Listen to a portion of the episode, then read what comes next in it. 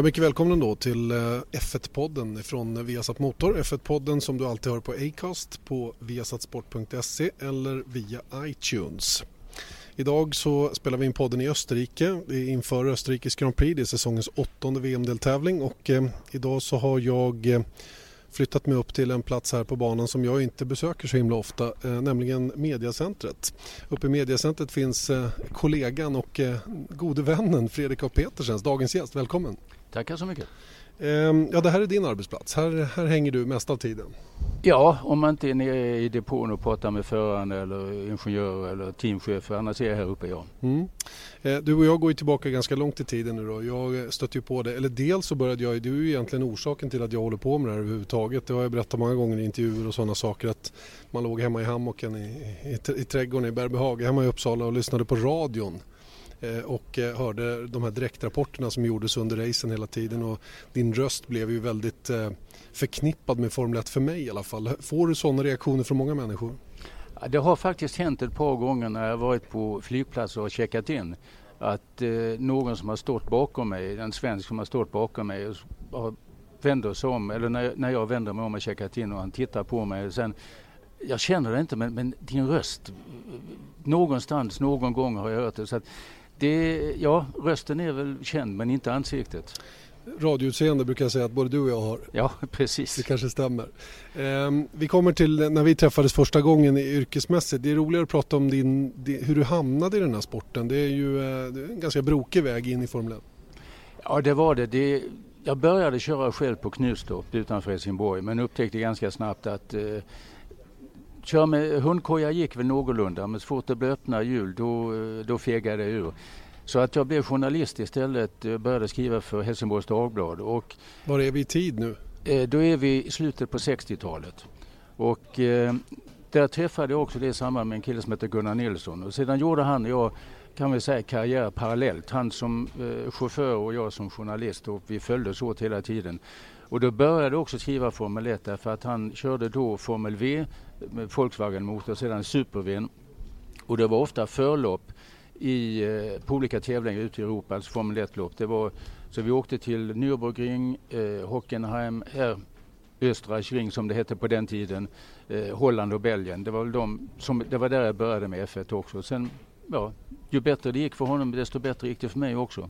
Det har gått rykten om att du var lite klubbägare hemma i Helsingborg och diskjockey och sådana grejer. Nej, diskjockey var jag aldrig men jag, jag var involverad med ett diskotek, ja. Det, jag har varit, sålt reklamartiklar eller presentartiklar.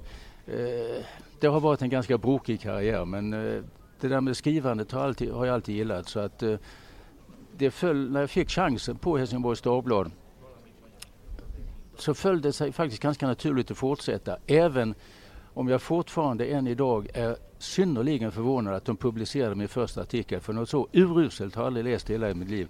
Jag tror att det har en skrivbordslåda, ligger den fortfarande. Men den... oh, jag skäms när jag ser den. Men de publicerade den utan att ändra ett kommatecken. Nåja, så kan det gå. Eh, och som sagt, du och Gunnar Nilsson blev väldigt, väldigt goda vänner då, fram till det att han tragiskt gick bort då i 1978 var 78, det också. Ja. Mm. Eh, och under den tiden då när du eh, reste antar jag väldigt mycket med Gunnar och var med under tävlingarna så dök det upp en annan duktig svensk. Ja, sen var jag om du menar Ronny, ja. Självklart. Eh, Gunnar och jag vi delade rum så att eh, vi hade många äventyr tillsammans. Eh, Ronny och Gunnar var två vitt skilda karaktärer. Eh, Ronny var ganska tillsluten. Eh, han ville kolla upp det innan han litade på det, innan han öppnade sig och började berätta. Och han testade mig och jag blev godkänt. Sen blev vi också mycket, mycket goda vänner. Så att det var Ronny, Gunnar och jag. Och sen tillkom Mario Andretti eh, när Gunnar körde och Ronny körde ihop med honom också hos Lotus. Och vi fyra hade mycket roligt. En del kan jag berätta men en del eh, eftersom Mario fortfarande lever så ska vi nog dra en slöjans ridå över det. Okej, det är vissa saker som alltså inte kräver dagsljus så att säga, eller som inte ja, klarar dagsljus? Ja, i och för sig gör det väl det, men, men eh, låt, låt säga så här, vi hade förbaskat roligt i alla fall. Mm. Eh, du som har varit med ända sedan den här tiden och början på 70-talet och ända fram till nu då, 2015. Formel 1 har ju förändrats oerhört mycket genom alla de här åren. Eh, hur, hur tycker du att den utvecklingen har varit? Det första jag tänker på det är självklart säkerheten. För jag menar, om du krockar med en Formel 1-bil idag, eh, modell 2015 med en från eh, 1970, så är det en otrolig skillnad. Jag menar idag överlever killarna, det gjorde de inte på 70-talet. Och det var ju som eh, Jackie Stewart en gång i tiden sa att på eh, söndagen körde vi lopp, nästa söndag gick vi på, på en begravning, sen var, körde vi lopp och sedan begravning. Och det var tyvärr, ofta var det så. Och idag, säkerheten är alltså nummer ett. Men sen också när man tittar ner här i depån på de här villorna eller vad man ska kalla det. Är inte mobile homes längre utan det är ju två, tre våningars... Lyxrestauranger? Kan, kan man kalla det. Och jag menar jag minns när jag började 68 och skrev mina första artiklar. Jag var i depån och gick förbi en lastbil som tillhörde Tyrrell. Och längst in i lastbilen så stod Nora Tyrrell, alltså Kent Tyrrells hustru, och gjorde te och smörgåsar till mekanikerna eh, på ett lastbilsflak. Och så tittar man här ut genom fönstret och ser hur det ser ut idag. Då kan man liksom bara skaka på huvudet och undra om det inte har gått till överdrift, om man inte skulle ta ner det lite grann och satsa mer pengar på bilarna istället. Mm. Eh, det är ju lite intressant. Formel 1 går ju just nu igenom en ganska tuff period rent generellt med, med eh, en identitetskris skulle jag påstå. Där man inte vet riktigt vad man vill presentera till fansen och hur man vill att sporten ska uppfattas. Man, man klagar en hel del internt som går ut till allmänheten och sådana saker. Hur, hur, ser du på det där att, eh, att man nu går igenom ett stålbad eller vad vi ska kalla det? Ja, det, du har helt rätt eh, så som du förklarade. Jag tror att de har gått eh, snett. Alltså det, de har låtit teknikerna ta över för mycket. Eh, GPDA, alltså förarnas egen lilla fackförening, har ju gått ut med en eh, fanundersökning och vad jag har hört så är det två, över 200 000 människor som har svarat från cirka 190 länder. Och det visar ju också att det finns ett grundmurat stort intresse för Formel 1. Vad jag tror det är att man har gått för långt i tekniken. Det är, det är för komplicerat. Det intresserar egentligen ingen utom de där riktiga tekniknördarna. Men det är så många där nere i depån säger att, att släpper du ihop två tekniker så bestämmer de ju allt. Bernie Ecclestone å andra sidan säger att det är Mercedes och Ferrari de som ville ha det så som det är idag därför att de Eh, eh, vinn på söndag och sälj på måndag. Att mycket av den tekniken som vi ser i F1-bilarna finns ju i de dyra gatubilarna. Men, och det är därför att de är här. Men killen på läktaren intresserad egentligen tror jag, utan han vill ju se spännande lopp med massor av omkörningar, dramatik, avåkningar där ingen blir skadad. Men där damm och grus ryker. Det är det de vill se. Så jag ska, är mycket nyfiken på, på när GPDA presenterar eh, resultatet av undersökningen. Jag tror om två, tre veckor ska det komma fram. Och jag tror att eh, vad som kommer, vad jag har fått reda på det är att ett, man vill förbjuda, eh, fansen vill förbjuda all radiotrafik mellan förra och kommandobryggan. Får inte säga någonting, inte ens om det regnar i en kurva för det ska de själva klara av. Det gjorde man ju förr, varför inte idag? Eh, och sedan eh, eh det, eh, tankstoppen, glöm det, det är ingen som vill ha det. Och mycket, mycket enklare teknik. Ehm, om du får, eh, om du får eh, titta tillbaka då i, i, tiden från nu och till det du startade. Vilken era eh, tycker du bäst om? Vilken era i Formel 1 har varit bäst i dina ögon? Då, du som har sett så mycket. Får jag nog säga, i och med att jag hade den otroliga nära personliga kontakten med Gunnar, Ronny och Mario så får jag nog säga att det var nog den bästa tiden. Och jag, när jag pratar med kollegor här också, det är många som säger samma sak. Därför att även om vi var fattiga som kyrkråttor, eh, vi hade roligt. Och jag, jag får ibland frågan om uh, the good old days. Jag sa att det är, fanns egentligen inga good old days, men the fun old days. För vi skrattade otroligt mycket. Och man kunde gå ut och käka middag med förarna och det satt ju kanske fem, sex förare från lika många olika team runt samma bord. Det var en helt annan kamratskap än vad det är nu. Är det, vad jag tycker delvis har förstört det hela är alla de här marketing och PR-människorna som springer omkring. Att man måste boka en intervju två månader i förväg. Ja, men förr kunde jag ju prata med James Hunt och Nicky Lauda och Jackie Stewart. Jag bara gick fram till dem och fick intervju med dem. Så att det har ändrats otroligt mycket och det, har man varit med så länge så eh, man retar sig på det. De nya killarna är uppvuxna med det så de tycker vad klagar du på? Det är, gammal gubbe klagar. Men pratar jag med de som varit med lika länge som jag så har de samma åsikt som jag. Det kanske ligger i sakens natur också att de som, jag menar du är ju, jag vet inte hur gammal du är exakt men vi kanske ska hålla det hemligt men tycker jag. Eh, mellan 60 och 70, är jag korrekt ute då? Men ska vi säga mellan 40 och 60? Och 100? Ja, mellan 40 och 100, okej. Okay. Eh, så, så, blir det väl också så att man, eh, den tiden då man, man tycker att det är roligast, det är kanske då när man startade man var mest entusiastisk. Brinner du lika mycket för sporten idag som du gjorde då? Ja, ja, ja där säger jag som Frank Williams, alltså uh, two o'clock the bullshit stops. Uh, och då är det racing. Eh, sen har vi bra lopp och vi har tråkiga lopp, det är helt klart. Men ja, jag brinner fortfarande för det för att det är fortfarande den här enorma kampen eh, man mot maskin. Att även om man har otroligt mycket eh, hjälpmedel till sitt förfogande så ska man ju fortfarande kontrollera det. Svårigheten jämfört med förr var att du hade ju manuell växellåda, gas och broms. Nu har du ju, eh, jag vet inte hur många olika tekniska eller eh, elektroniska hjälpmedel som förarna måste vara multitasking. Så menar, frågan är om vilket är den bästa utbildningen som racerförare eller dataingenjör. Jag vet inte vilket som är det bästa. Men så att varje era har ju sin, sina hjältar och sina svårigheter, det är ju helt klart. Mm. Det går Men, inte riktigt att jämföra menar du, en bil som man körde 1977 mot den som man körde 2013. Det är, det är nej, så vitt skilda saker. Ja, jag tycker inte det därför att det, det, det krävs ju så olika eh, kunskaper. Att det andra var liksom bara mer gasa och bromsa. Eh, och idag måste du sagt vara multitasking. Du, du har ju eh, massor av grejer som du, kan, som du får, eh, information som du får på, på eh, ratten och, eller via ratten och så vidare. Så att det kräver ju sina kunskaper också, sina svårigheter. Därför att du ska ju hämta denna information under tiden som du kör. Och det är inte alltid så himla lätt. Att, att, jag, menar, jag kommer ihåg en gång i Kanada för många år sedan när eh, det här med radion var ganska nytt mellan förare och, och eh, eh, kommandobryggan. Och plötsligt, eh, Jack Lafette, fransmannen, kör för Williams. Och det var tyst och helt plötsligt så hör man bara säga, prata inte med mig, jag snurrar. Så att eh, det, det, för honom var det helt nytt. Alltså han var rädd för att någon skulle komma in och störa mm. honom. Idag är det ju, som alla tv-tittare hör, kommunikation hela tiden. Mm. Även om förarna även nu klagar över att de får radiotrafik i, i, sväng eller när de håller på att växla ner eller vad de nu gör för någonting så, och, och måste hantera den biten och, och ber att få slippa trafiken just då. Um, vi, vi, ehm, vi, nämnde ju eh, som sagt att eh, du, du är kvar här i mediacentret fortfarande, jobbar numera som, eller har gjort ganska länge som, som Sveriges Radios korrespondent här nere. Eh, hur, hur, började den karriären så att säga, så att du hamnade i, i mitt medvetande då på 70-talet? Ja, det började med att, att jag tog väl kontakt med dem tror jag när Gunnar kom in. Därför att Ronny hade ju varit med länge men så kom ju Gunnar också så jag ringde radion och de sa ja varför inte. Då körde jag eh, ett år ensam och sen kom Christer Ulfbåge och han jag körde, eh, nej jag körde 76, 70, 77 körde jag ensam och sen kom Christer Ulfbåge så vi körde tillsammans 78. Och sen har det bara runnit på sen dess eh, därför mm. att det finns ett otroligt grundmurat motorintresse i Sverige. Men det vet du lika bra som jag, även om det inte alltid kommer fram hos chefredaktörer, men det finns det.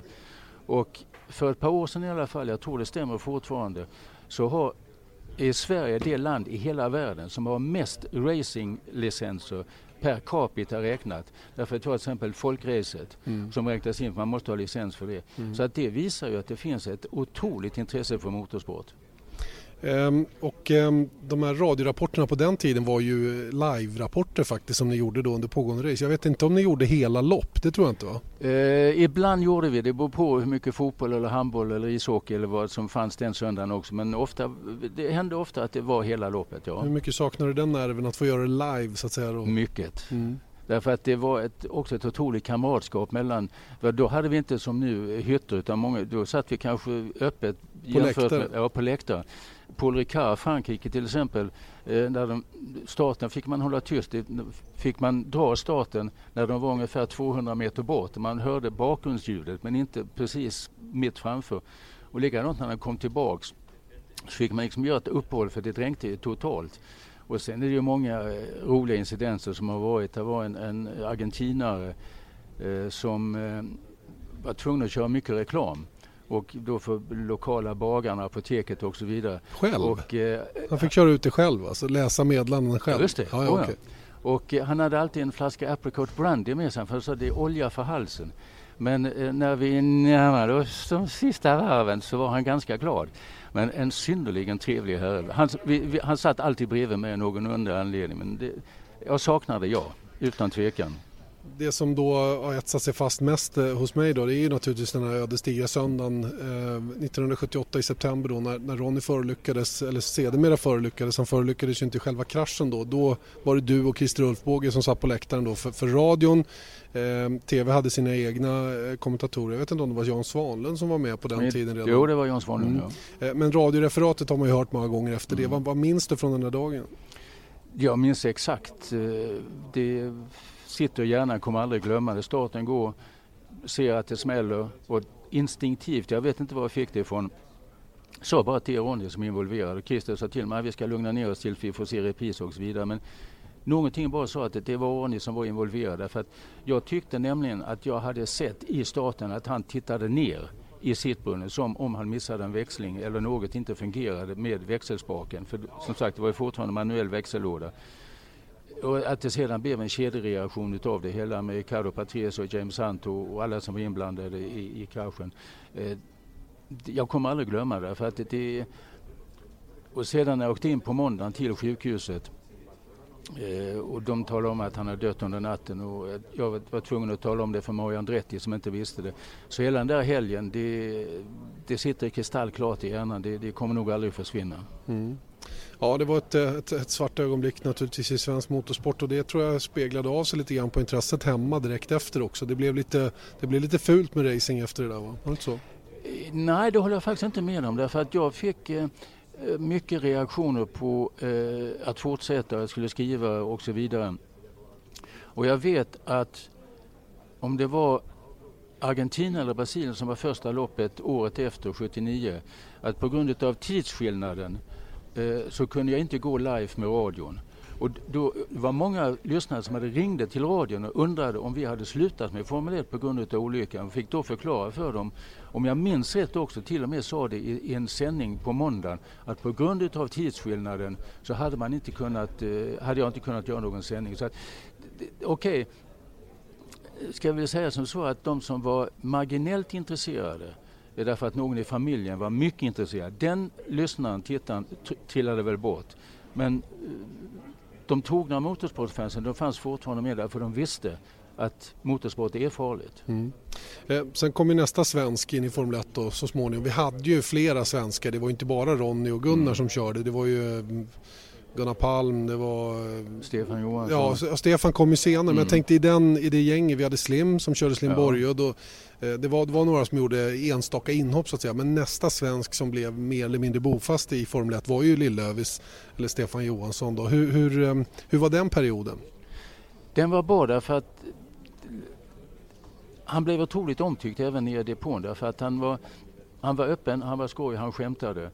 Eh, och det gjorde det också lätt att skriva, att, eh, att göra, eh, skriva om Formel 1 för att man fick bra information utav honom. Så att där fick du tillbaks, svängde det upp igen så att säga intresset när Stefan var med och det märktes också när han var hemma i Stockholm och på, andra, på presskonferenser och så vidare som arrangerades av huvudsponsorn för teamet. Eh, det var välbesökt. Så att då kom det, alltså det stora intresset tillbaka igen. Mm. Och då var det också tv-sändningar då, i alla fall sporadiskt som, som kom tillbaka. Och sen så eh, kom du tillbaka i tv-rutan också eh, via en liten speciell produktion som fanns i slutet på 90-talet. Och det var ju där våran väg korsades på riktigt allvar första gången då. Det här var i slutet på 90-talet, 1997. Um, Bernie Eccleston hade startat den här nya supersignalen. Um, när hörde du talas om det där första gången och, och vad tyckte du om det? Det var, om jag minns rätt så måste det ha varit på Hockenheim där de presenterade det med lätt överdrift, en miljon TV, TV som stod inne i pressrummet och det var stor halabaloo och presentation.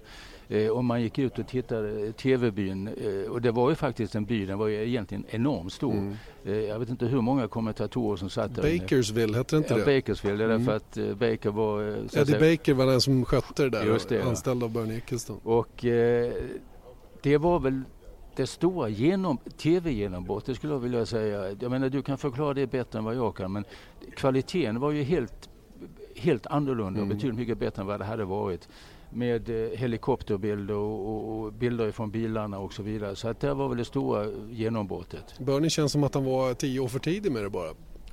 Ja, eh, det var vi också på grund utav några av de samarbetspartner som han hade att eh, det gick åt skogen mer eller mindre. Ehm, och den här supersignalen var alltså, ehm, det finns ju något liknande idag med extra kanalerna som vi på Viasat har då tillgängliga via Viaplay då eller om man har extra kanalerna om man är parabolkund. Eh, på den tiden så, så krävdes det ju en digital mottagare också eh, och eh, man kunde alltså själv sitta och växla mellan kanalerna hemma då, eller få en mosaikbild där man hade alla i en och samma bild. Och det här var ju lite trixigt att kommentera och då blev ju du helt plötsligt presentatör för de här sändningarna och gjorde reportagen och så, åtminstone det första året då när när vi hemma i Sverige då när vi, vi hette Supersport från början blev väl Filmnet mitt under säsongen och sen blev det Kanal Plus. Det som blev Kanal Plus och som idag heter Simor då var det som hade det i slutet på året och vi var ett ganska roligt gäng som var ute och reste eh, runt om i världen och, och, gjorde de här sändningarna. Ja det var det. Det var ett, det var ett bra gäng därför att Därför att dels var det ju jag som hade insikten, eh, erfarenheten och dels var det ett gäng, några som kommer ut för första gången och liksom inte gjorde stora ögon när de det, oj jösses är det så stort? Det hade vi inte en aning om. Så att den kombinationen blev eh, fantastiskt bra och, och Sen är ju det gamla talespråket att ibland ser du inte skogen för alla träden. Det vill säga att om jag kom med en idé, ja, okej okay, den är väl bra, men om vi gör så, varför tänkte inte jag på det? Därför de såg dem med helt andra mm. ögon. Så att vi gjorde ett par riktigt eh, bra grejer. Ja. Mm. Den här produktionen hängde ju i då ända fram till, jag tror att den lades ner 2002 eller om den sista säsongen var 2001. Sen så försvann den ju eftersom det var helt enkelt ingen, det fanns ingen bäring i det helt enkelt. Det för få tittare. Det var ju ett samarbete med franska Kanal Plus tror jag från början då som, som drog igång hela den här grejen. Och jag minns ju speciellt en historia där eh, på, på Monza 1997 när eh, Sylvester Stallone var på plats och skulle skriva kontrakt om att göra en ny film om racing, om Formel 1. Eh, en film som sedermera kom att kallas Driven och handlade om Indycar. Och det kanske var tur det, för det är bland den sämsta film jag någonsin har sett. Jag skulle vilja säga den absolut sämsta filmen ja, jag någonsin har sett. Den är helt bedrövlig faktiskt. Och eh, det intressanta var ju att han var där och det var stort ståhej, Bernie Eccleston och han på en liten scen inne i medier, eh, pressrummet och jag stod långt bak och tittade. Det här var ju mitt enda och första race som jag var på den säsongen. Och Eh, helt plötsligt när vi sitter nere i Bakersville som vi nämnde tidigare då så, så kommer Sylvester Stallone, Bernie och hela det där anhanget och passerar igenom vårt rum där. Det var, det var nästan surrealistisk känsla där, där jag hade aldrig varit på ett F1 och du hade ju varit på massor så det var kanske inte så konstigt för dig men för mig var det oerhört märkligt när de dök förbi där. Men kommer du ihåg hur liten han är? Ja. Och hur han gick och höll i håret hela tiden. Han var livrädd att frissan skulle bli lite mm. sned sådär. Och... Det är typ, jag skulle säga typiskt Hollywood. Eh, diva är väl fel ord men eh, noga ja, om sitt rykte. Det får man verkligen säga att han var. Eh, Stallone alltså. Och eh, som sagt den där filmen om Formel 1 blev dess bättre aldrig av då utan den handlade om Indycar. Det är säkert många kommer av er som har sett den. Kommer du ihåg den filmen? De till och med körde mot trafiken på en ovalbana. Ja, visst. Ja, men hur i fridens namn kan de man... kunde köra i smoking i den också, hoppa ner och starta dem själva ja, ja. och det var allt möjligt. Och de plockade upp pengar med bakdäcken och ja, det var allt möjligt konstigt. Ja, det var en märklig film. Hur som helst, det var en liten parentes. Det var där vi började jobba tillsammans i alla fall och du och jag blev väldigt goda vänner. Vi, har, vi jobbade tajt tillsammans under åren därefter. Du lämnade rapporter till mig och du var med på telefon i våra sändningar och hela den där biten. Och, och, och, det var ett kul samarbete och, och, för mig var det lite speciellt eftersom jag som sagt hade växt upp med din röst kring Formel 1 och mitt intresse själv då startade egentligen då mitten på 70-talet låt säga då. Jag hade väl hela rummet tapetserat med Ronnie Pettersson och hans eh, T-Tray March, den här STP ja, ja, ja, som jag känner en person som äger nu, en likadan. Eh, eh inga namn nämnda hur som helst så, så, eh, så var ju det en väldigt, väldigt eh, kul och speciell känsla att, att ta med sig då när vi stötte ihop.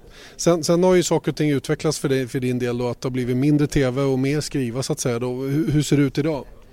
Jo, det är, det är, radion fortsätter jag med och det är faktiskt roligt att hålla på med radion för det, du kan köra mycket mer snabbare rapporter, mycket mer live.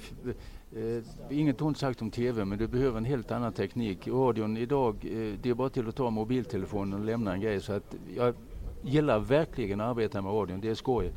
Eh, och skrivandet det är, ska vi kalla det för en passion. Det, det var förr i tiden fanns det en, en, eh, en, journalist på Kvällsposten i Malmö som sa en gång vad jag tycker klassiska orden att det, en journalists värsta fiende är ett tomt papper. Det var på den tiden vi hade skrivmaskiner. Nu kan man, får man säga att värsta fienden är ett, ett en blank tom, skärm. En blank skärm ja. när, man, när man sen sätter sig ner och börjar skriva och tänker efter och man ser att det kommer rad efter rad efter rad. Eh, det, det är skoj helt mm. enkelt. Och Kreativiteten flödar. Ja, och man vet att man är en del utav, får man säga, showbiz därför att det, det man skriver är ju, ska ju vara underhållande. Så att, okej, okay, jag kommer väl aldrig att vinna litteratur, Nobels litteraturpris, det, det, tror jag inte men eh, jag klarar mig i alla fall. Mm. Eh, vilket är bra nog får man väl ändå säga. Och eh, du har väl börjat att trappa ner förstår jag? Nej, inte så, lite grann men inte så mycket. Nej. Bara en liten aning. Eh, jag tar fram ditt pass här. För det här är lite speciellt. Vi, vi andra journalister vi, ett, vi måste ju ha väldigt eh, noga lämna in papper via en arbets eller en uppdragsgivare för att få de här akkrediteringarna som man har i Formel 1 och eh, på min då står det ju Viasat Sweden och mitt namn och hela den biten. På din står det däremot Honorary Media 500 Club, vad är det? Det är att man har gjort mer än, eller varit på mer än 500 Formel 1-lopp. Jag är uppe på över 600 nu. Eh, och då får man ett sådant som eh, tack för hjälpen, tack för att man har gjort PR reklam för Formel 1 och mm. så vidare. Och det får man inte utav Fia utan det får man utav Bernie just det, just det, det är han som delar ut det där. Ja. Hur många är ni som har det där, vet du? Jag vet inte, jag skulle tippa vi är ett tiotal, uh, ungefär 10-12 skulle jag tippa. Så finns det väl ett par fotografer också som har det. Så att då säger vi kanske en, då säger 15 personer som har det ungefär. Hur kändes det när du fick den där? Man kände sig hedrad utan tvekan. Det hela började med att det var Toyota som ville göra något speciellt så de började med eh, 200-klubben. Och då visade det sig att det tyckte de det blev nog lite för många. Så nappade så de höjde det till 400 och då blev det betydligt färre. Och sen nappade Bernie tydligen på den idén så han kom med 500-klubben. Så att jag blev nerkallad, jag fick ett smycke också. Om det var i Belgien tror jag det var. Eh, där en man kommer och eh, vill att jag ska komma ner till eh, Bernies Mobile Home och eh, där håller självaste Mr F1 ett litet tal och så överräcker han den här eh, smycket och eh, Welcome in the 500 Club. Det är stort. Och nu kommer det automatiskt och det är som du säger att fördelen är att jag behöver, det här är för livstid så jag behöver aldrig lämna in, jag kan komma på ett lopp eller komma på alla. Eh, spelar ingen roll, utan jag bara hämtar ut det en gång och sen gäller det, det är som sagt för livstid så att det förnyas automatiskt varje år. Rätt skönt faktiskt. Vi får säga att de förtjänat det då. Ja, kan, ja. På något om, sätt? Ja, om jag får vara blygsam för att säga ja, det har vi gjort. Du, innan vi slutar, vi har pratat länge nu och det är jätte, jättekul att prata med dig Fredrik. Jag är ju sugen på lite goda minnen sådär, lite roliga episoder, någonting som eh, du kan dela med dig av. Sådana här lite märkligare händelser, någonting som dyker upp sådär om jag bara ställer frågan. Ja, vi är i Österrike, men där har vi, det, loppet här eh, var ju på, på Ronnys tid, ett, han vann ju här, ett regnlopp. Eh, startade regn, han åker av och kommer, det dröjer länge innan han kommer tillbaks igen. Så jag trodde att han stod ute i fältet någonstans. Men han kommer tillbaks och han vinner loppet. Eh, Vittorio Brambilla, italienaren som vinner sitt första lopp här och blir så jätteglad så han slänger armarna i luften och kör rakt in i räcket just det, och totalt kraschar bilen.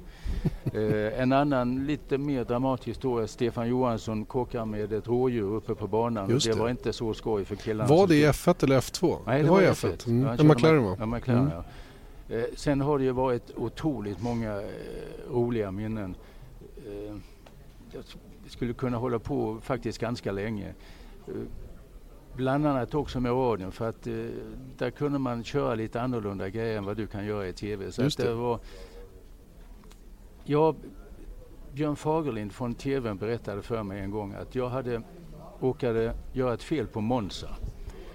Och eh, jag sa i direktsändningen att här kommer Allan Prost, han kommer att vinna Italiens Grand Prix på Monza.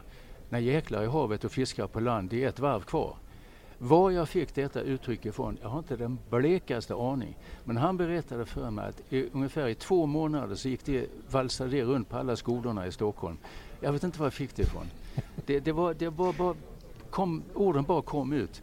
Och eh, sen har man ju nått några grodor som jag är stolt över därför att när radion, Sportradion sen har gjort eh, årssammandraget utav årets tavlor så har jag varit med där några gånger och eh, det bästa eh, jag kanske är mest stolt över det var när en av de stora sportjournalisterna slutade på radion och de sammanställde topp 10. Och där var jag med. Det var jag riktigt stolt Vad var det då? Kommer du ihåg vad det var? Nej, jag kommer tyvärr inte ihåg Nej. vad det var. Men det måste tydligen varit rätt bra eftersom jag fick vara med. Sannoliken. Du berättade en rolig sak för mig här innan. Det var ju eh, en liten legend som finns i Monza just. om kyrkklockan. Ja just det, det hotellet som vi bor på på Monza. Där eh, ligger en kyrka bredvid och på, förr i tiden så bodde alla förarna på det här stället och bland annat Niki Lauda. Och, eh, men katolska kyrkan ringer, klockan ringer tidigt på morgonen, det var sju på morgonen och det gillade inte Nicky för han ville sova lite längre. Så han gick till prästen och klagade och prästen sa uh -uh, jag måste ringa mina trogna eh, får till eh, eh, komma och lyssna på predikan och bönen och så vidare. Och då sa Nicky någonting om att jag undrar hur min chef Enzo Ferrari skulle... Oh, menar ni Enzo Ferrari? Ferrari? Ja. Eh, klockan nio, eh, är det okej okay, Mr Lauda? Och, så det blev det klockan nio. Men tyvärr, nu är det klockan sju för jag bor på hotellet. Han har, det hjälper inte vad jag säger. Du har inte samma inflytande med Nej. Sen finns det många grejer. Det fanns förr i tiden en Olymp eh, du har precis kommit tillbaka från Kanada och de olympiska spelen där så var det cykel. Och eh, tv-bevakningen var inte lika bra som det var då. Då uppfanns en man som hette Bappa Passo. Ja, just det. Jag berättade, den är bra. Utav dåvarande eh, kommentatorn. Och det blev sen en, en vad ska vi kalla det, Lisa, det blev en tradition mm. att han skulle dyka upp. Pappa Passo. Ja. Berätta storyn om hur han kom upp. Ja, det var, det var under cykelloppet när ja, Bernt Johansson blev, blev det, olympisk ja. guldmedaljör. Och, och, vad var det som hände? Nej, det var bara att... Eh, eh, vem var det nu som var kommentator? Jag tror att det var Arne Hegerfors på nej, TV. Nej, nej, nej. nej. nej. De delade kanske på det, jag vet inte. Han gick sen till Svenska Lotto. Ah, okay. Gick bort för ett par år sedan. Kommenterade ishockey också. Eh, Bo Gensel kan nej, det vara? Nej, nej, nej. En liten kraftig kille. Okej, okay. ah, ja. strunt samma vem det var. Ja, Berätta. Han kom upp där för att det var inte tv-bevakning men han, gick, han körde radio. Ah, okay. och han måste ju hela tiden eh, prata. Mm. Och då kom, eh, helt plötsligt kom pappa Passo. Och eh, Sen... Vad sa han då om en cyklist eller ja, bara ett namn som man bara hittade på? Ja, bara hittade på ja, namnet. Ja. Och eh, sen blev det liksom tradition att den här Papa Passo dök upp i lite olika sammanhang. Men när det gamla gänget försvann eller pensionerades eller bytte till tv och så vidare så försvann pappa Passo också. Tills jag och en kille som eh, är nu pensionerad som satt på Radio Falun. Eh, vi satt och diskuterade och helt plötsligt sa han, kommer du ihåg? Ja, sa jag, visst gör jag det. Så nästa sändning så ska jag ta upp honom. Så att jag, eh, han hade helt enkelt flyttat ifrån cykel till att bli mekaniker hos Ferrari. Jaha. Så att eh, han var med i sändningarna ett par gånger att jag såg liksom Papa Passo gick ner hos Ferrari och, och, och grejade. Och om jag minns rätt, jag kan inte lägga handen i, i eld på det, men om jag minns rätt så betyder Papa Passo på söderslang spela kort. Aha. Så att det var ett fullständigt obegripligt namn. Ja, ja, så kan det, det gå. jag kan inte säga om det stämmer men eh, han var med i rätt många år men han är pensionerad nu i alla fall. Allra sist, eh, Fredrik af Petersens dagens gäst i våran eh, F1-podd. Eh, mångårig Formel 1-journalist, svensk sådan, här i depån, jobbar som korrespondent för Sveriges Radio bland annat. Då. Ehm, vi har svenskt i Formel 1 igen. Sen ett par, ja det här är andra säsongen då som Marcus Eriksson är med och det här måste ju ändå ha betytt en del för dig också att det till slut innan, innan karriären någon gång tar slut ändå kommer en svensk in i Formel 1 igen. Utan tvekan. Jag sa ju liksom att eh, jag vill inte sluta förrän det kommer en svensk till. Det var ju många som har frågat mig därför att även om det har gått så många år så Ronny och Gunnar, eh, många kommer ihåg dem, även de nya killarna. Kanske inte vet så mycket om, om Gunnar men eh, definitivt om Ronny. Jag menar, pratar italienare, tyskar, österrikare, alla vet vem Ronny var. Och alltid fått frågan när kommer nästa svensk och äntligen är och jag sa att jag kommer inte att sluta förrän nästa svensk är här. Nu är han här och det finns ju ett par juniorer på väg också som kanske kommer till Formel 1 om ett par, tre år om allting går som det ska. Så att, mm, jag får så, fortsätta några år till. Tills han blir världsmästare då eller? Ja, ungefär ja. Okay. Eh, om jag ska ge Marcus vad jag tycker om Marcus. Eh, jag tror han har den absolut rätta inställningen. Eh, förra året ska vi glömma. Det här året går mycket bättre och jag har pratat med några människor hos Sauber som är imponerade av honom. Hans kunskap, hans inställning. Eh, och enbart hört positivt om honom. Så att eh, jag tror att Marcus har en bra framtid för sig i Formel 1. Mm. Vad tror du om den här helgen då, som vi ska bevittna? Jag tror att, eh, jag tror att det, den här banan kommer att passa honom därför att den är mer upp och ner, den är mer kurvig. Det är inte en, samma höghastighetsbana som det är i, i Kanada. Utan det är mer eh, förarskicklighet som, kommer, som spelar eh, större roll här. Jag tror, att, jag tror det kommer att gå bra för honom här. Och loppet i stort? Går, ja, går det att gissa att... på någon annan än Mercedes? Nej, men man kunde ju hoppas att det, det kunde bli lika tajt som det var mellan Keiko Rosberg och Elio De Angelis. Där det på den tiden var tidsmätningen inte lika eh, exakt som de är nu och då var det 0,012 sekunder mellan dem i mål. Men ett par år senare när jag pratade med Longin och hade förbättrat det hela, då rörde det sig om tusendelar och inte hundradelar som det var då utan då var det tydligen 0,00012 sekunder. Det var alltså millimeter mellan dem över mm. mållinjen. Är det den tajtaste målgången? Jag får med Peter Gettin och Ronny på Monza var en sån där riktig ja, jag tror millimeterökare Ja, det också. var det också. Men jag, frågan är om inte det här var den tajtaste målgången. Mm. Nåja, vi får se hur det kommer att gå men eh, mycket talar väl för att Mercedes kommer att vara starkast den här helgen också. Nu hade ju Williams eh, bra fart i bilen här förra året och sägs ju ha säsongens största uppdateringspaket med sig hit till, till Österrike så kanske kan de överraska. Vi får väl se om Ferrari också har lite speed i bilen så att de kan eh, dra lite större nytta av sin nyuppdaterade motor då, mer än vad man hade i Kanada senast. Jag tycker att det inte riktigt såg så bra ut som jag hade hoppats. Nej, det håller jag fullständigt med om. Jag var eh, besviken. Jag trodde det skulle gått mycket bättre där. Men eh, det är ju inte all, du vet det lika bra som jag, det är ju inte alltid bara motorn utan det är ju också chassiet, aerodynamiken som spelar en otroligt eh, stor roll. Eh, och där har Mercedes har ju outstanding, alltså mm. det går inte att diskutera. Och eh, jag håller med dig vad du har skrivit om att man kan inte skylla på eh, att Formel 1 är tråkigt bara för att Mercedes vinner. Jag menar, gå tillbaka i historien, det, det, det är ju en cirkel. McLaren dominerade massor utav, Williams dominerade, Red Bull dominerade, nu är det Mercedes, Ferrari får vi inte glömma, och nu är det Mercedes. Så det går ju runt i en cirkel hela tiden. Det är alltid och, någon som har övertaget. Exakt, och jag mm. tror inte att Mercedes nästa år kommer att vara lika dominerande som de är i år, för då har de andra kommit ifatt. Men okej, okay, nu har de haft två år, kört skjortan utav resten utav gänget, så att, och det, det har alltid varit så. Det har varit ett sant nöje att få samtala med dig en liten stund i vår F1-podd Fredrik och Petersen. Så jag önskar dig en eh, fortsatt eh, bra karriär givetvis, hur lång det nu blir. Om det blir till Marcus blir världsmästare eller om du måste kasta in handduken innan dess. Nej, jag, jag stannar kvar tills han blir världsmästare. Ja, bra, bra, då ska jag göra detsamma. Minst. Eh, på återhörande säger vi och vill man höra dig så får man eh, slå på Sveriges Radio på söndag eftermiddag så får man en färsk rapport. Och läsa min blogg. Och läsa din blogg ja, som finns på, på Sveriges Radios hemsida också. Då har vi gjort lite reklam för den också i och med att du var snäll och ställde upp på vår F1-podd där. F1-podden som är tillbaka om en vecka igen. Tack så länge säger vi härifrån då, Janne Blomqvist och Fredrik av Petersens.